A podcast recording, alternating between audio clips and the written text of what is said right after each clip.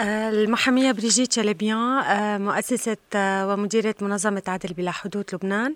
أنا بكلمتي اليوم تحدثت على موضوع المشاركة السياسية للمرأة. وركزنا أنه نحن بلبنان نحن دولة طائفية عنا 19 طائفة و15 قانون للأحوال الشخصية. وقوانين الأحوال الشخصية تحد من وصول المرأة لمراكز القرار ومن المشاركة السياسية الكاملة للمرأة. كما أنه القوانين الأحوال الشخصية من نتائجها السلبية أنه تؤدي إلى تدخل رجال الدين في أي تعديلات قد تتعلق بقضايا المرأة. وذكرت وكمان عنا بلبنان نحن بالسنة الماضية كان عنا الانتخابات البرلمانية ونجح عنا ست نساء في البرلمان واحدة منهم بتمثل المجتمع المدني. ولكن هيدا انتصار ولكنه ليس بالانتصار الكامل لأنه المشاركة بعدها محدودة ونحن بدنا وجوه أكثر من النساء بيمثلوا المجتمع المدني. كما وأنه نحن بدنا انخراط النساء في ليس فقط في الترشح للانتخابات ولكن بممارسة حقهم بالانتخابات. كما وأنه الحكومة اللبنانية الجديدة ضمت أربع نساء والملفت بالموضوع أنه هالمرة عنا سيدة تولت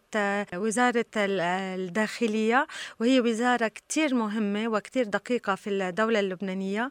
وكمان أيضا يلي لفت بهالوزارة أنه تم تعديل اسم وزارة الدولة لشؤون المرأة. لتشمل وزارة الضوء لتمكين الشباب والنساء. من الإشكاليات الأساسية اللي بتعاني منها المرأة في لبنان ولا سيما فيما يتعلق بقضايا الحماية هو أول شيء مثل ما ذكرت قوانين الأحوال الشخصية والإشكاليات الكبيرة المتعلقة بالحضانة والنفقة وغيرها من الأمور بالإضافة إلى قضايا الجنسية حق المرأة اللبنانية بمنح جنسيتها لأولادها وللأسف المرأة اللبنانية لا تملك هذا الحق إلا إذا كان عندها ولد غير شرعي. كمان نحن عنا بلبنان نطالب بقانون مدني موحد للأحوال الشخصية لتأمين المساواة الكاملة بين الرجال والنساء وتأمين المواطنة الكاملة للمرأة.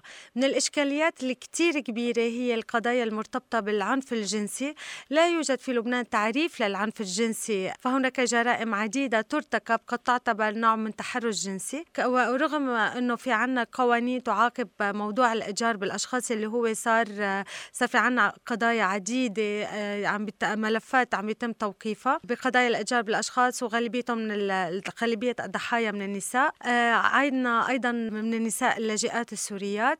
كمان أنا بحكي على موضوع مكتومي القيد وعدم الجنسية اللي هو يشكل قنبلة موقوتة في لبنان. فبالإضافة إلى مكتومي القيد اللبنانيين يوجد لدينا مكتومي قيد من ضمن اللاجئين السوريين. هذا دون التطرق إلى عدم تسجيل عقود الزواج فكتبقى وكأن عقود عرفية المرأة غير قادرة غير قادرة على إثبات عقد زواجها وأحيانا غير قادرة في حال أنه ذهب الزوج أو توفي أو مارس عليها العنف الأسري وفل أنها تقدر تسجل زواجها. يمكن من القضايا الرئيسية يلي, يلي أنا بلبنان بطالب فيها الدولة اللبنانية وبطالب فيها الدول بطالب فيها الدول العربية هو أول شيء الانضمام للمحكمة الجنائية الدولية أو تطبيق وتعديل القوانين لضمان محاكمة جرائم الحرب والجرائم ضد الإنسانية وجرائم الجينوسايد يلي بتطال النساء أيضا يلي بتدخل ضمن نطاق الجرائم التي ترتكب ضد النساء. كمان كما وأطالب تأمين وصول النساء والفتيات إلى العدالة. لما بنحكي عن نساء ما لازم أنه نحن نستبعد الفتيات المراهقات. يلي في لازم نرجع نبحث بقوانيننا الوطنية يكون في لهم إجراءات أو قوانين خاصة لتأمين الحماية الخاصة فيهم. كما وأنه نحن بنطالب بوضع آليات لحماية النساء والفتيات ضحايا العنف الأسري أو ضحايا العنف الجنسي أو كافة أنواع العنف. بالإضافة أخيرا إلى إشراك الرجال في كافة القضايا المرتبطة للمرأة لأنه إيد لوحدها ما بتزقف بدنا إيدتين مع بعض.